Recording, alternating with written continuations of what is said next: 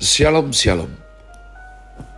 Selamat hari Senin 27 Juni 2022 Kembali jumpa bersama saya Pendeta Caleb Hofer Bintor dalam anugerahnya.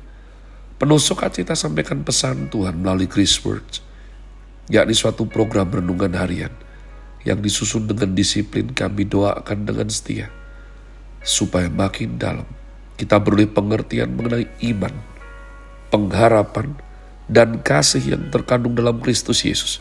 Sungguh besar kerinduan saya bagi saudara sekalian, agar supaya kasih dan kuasa firman Tuhan setiap hari tiada pernah berhenti menjamah hati, menggarap pola pikir, dan paling terutama hidup kita boleh sungguh berubah menuju Christ likeness Masih dalam season summer dengan tema bulan ini Faithful to the King.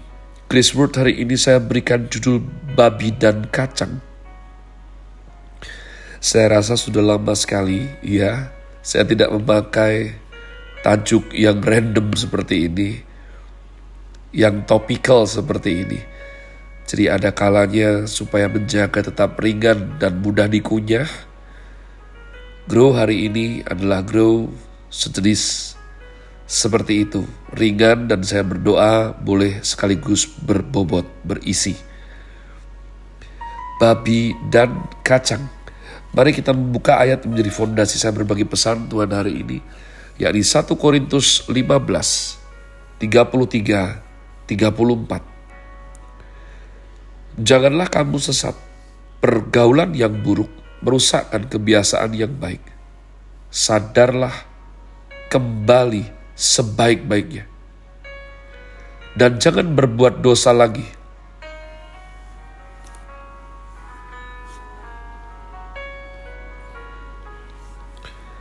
Ada di antara kamu yang tidak mengenal Allah. Hal ini kukatakan supaya kamu merasa malu. Ada di antara kamu yang tidak mengenal Allah. Hal ini kukatakan supaya engkau merasa malu umat Tuhan, rupanya ini jenis sindiran. Siapa kamu? Jemaat Korintus, orang yang di dalam gereja, bukan di luar. Hari-hari ini, banyak orang di dalam gereja, bahkan satu minggu, enam hari di gereja, ada gereja-gereja yang memang terus menerus, ya, membuat aktivitas setiap hari dalam rangka membudidayakan jemaatnya. Namun bukan untuk keuntungan jemaatnya, namun untuk keuntungan oknum hamba Tuhannya. Saya melihat ada sesuatu perbedaan. Saya kenal seorang rekan pendeta senior di mana anak-anak muda itu dipekerjakan di gereja. Tapi sungguh-sungguh diajari bekerja. Tidak hanya diajari bekerja, ya, mereka dibuatkan wahana untuk fellowship sehingga makin bersatu hati dan luar biasa. Di antara hasil kerja yang belum jelas, walaupun tentu tidak banyak, tapi itu merupakan sukacita tersendiri bahwa mereka diberikan persembahan kasih. Tapi ada jenis yang lain, oknum pendeta yang mempekerjakan daripada jemaatnya. Ya, kalau bisa justru tidak bayar kalau bisa, justru malah suluh bayar sama Tuhan. Jadi menyuruh beberapa orang sana fotokopi 500 lembar ya, tapi tidak ada pembahasan mengenai dana yang dikeluarkan. Dengan harapan kamu yang sudah disuruh fotokopi, kamu juga yang membayar fotokopi tersebut. Ngeri sekali. Ada di antara kamu yang tidak mengenal Allah Tampaknya rohani, tapi tidak mengenal Allah. Hal ini kukatakan supaya kamu merasa malu.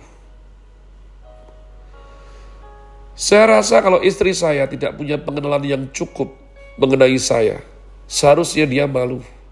Kalau saya tidak mempunyai pengenalan yang cukup mengenai istri saya, harusnya saya malu.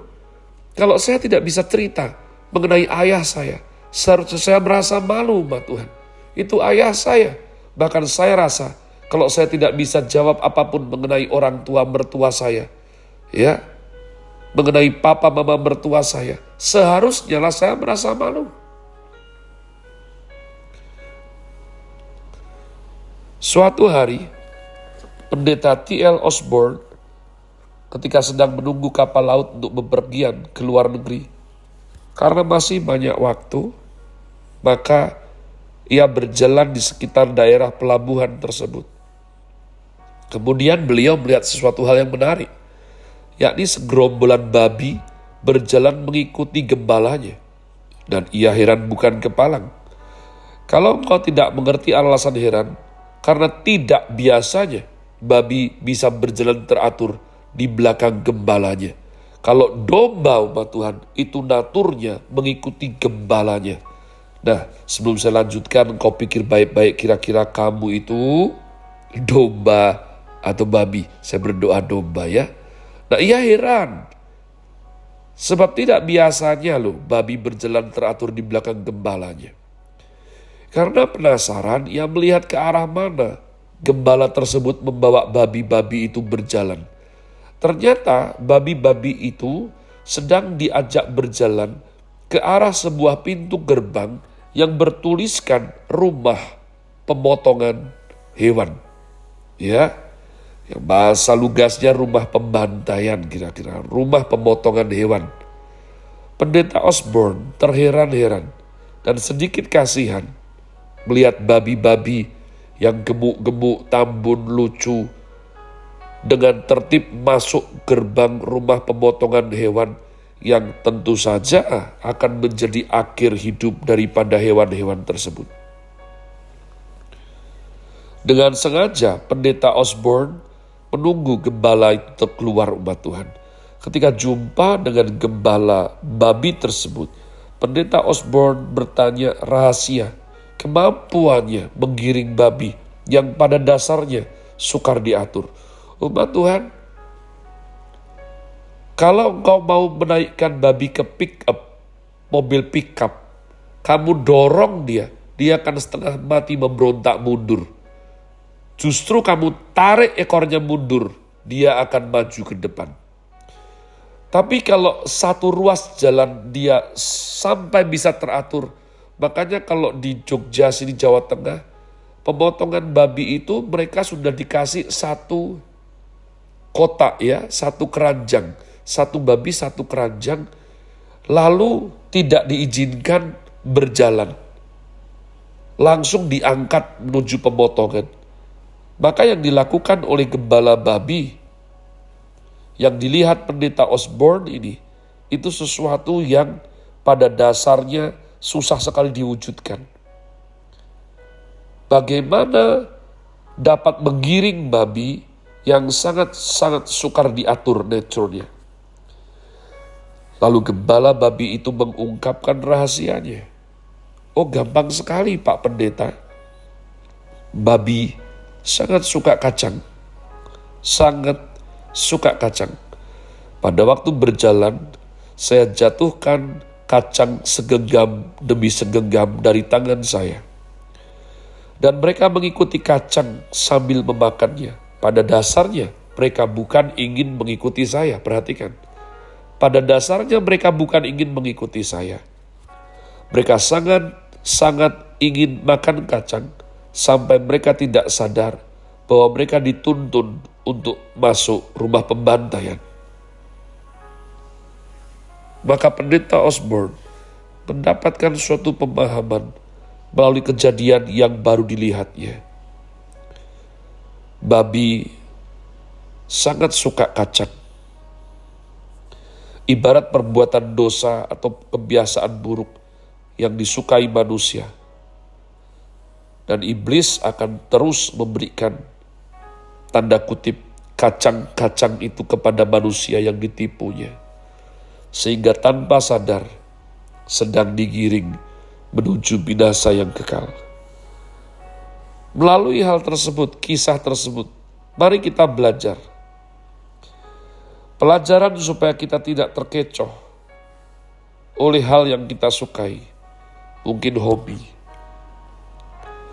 yang mengalihkan kita bahkan mungkin berkat Tuhan itu sendiri.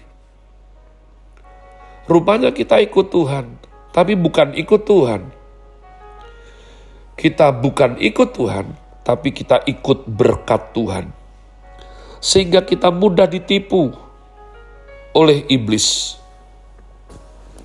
Maka ketika ada yang memberikan mempermudah hidup kita, memberikan uang banyak, cuan, gang tahu, laba yang besar, langsung kita kira itu Tuhan. Tanpa kita memastikannya, kita mengikuti kacang tersebut. Keterikatan itu bisa membunuh, membawa ke arah yang salah. Waspada dengan kacang. Kacang-kacang yang memperdaya babi. Saya bersyukur sekali kita ini domba, bukan babi.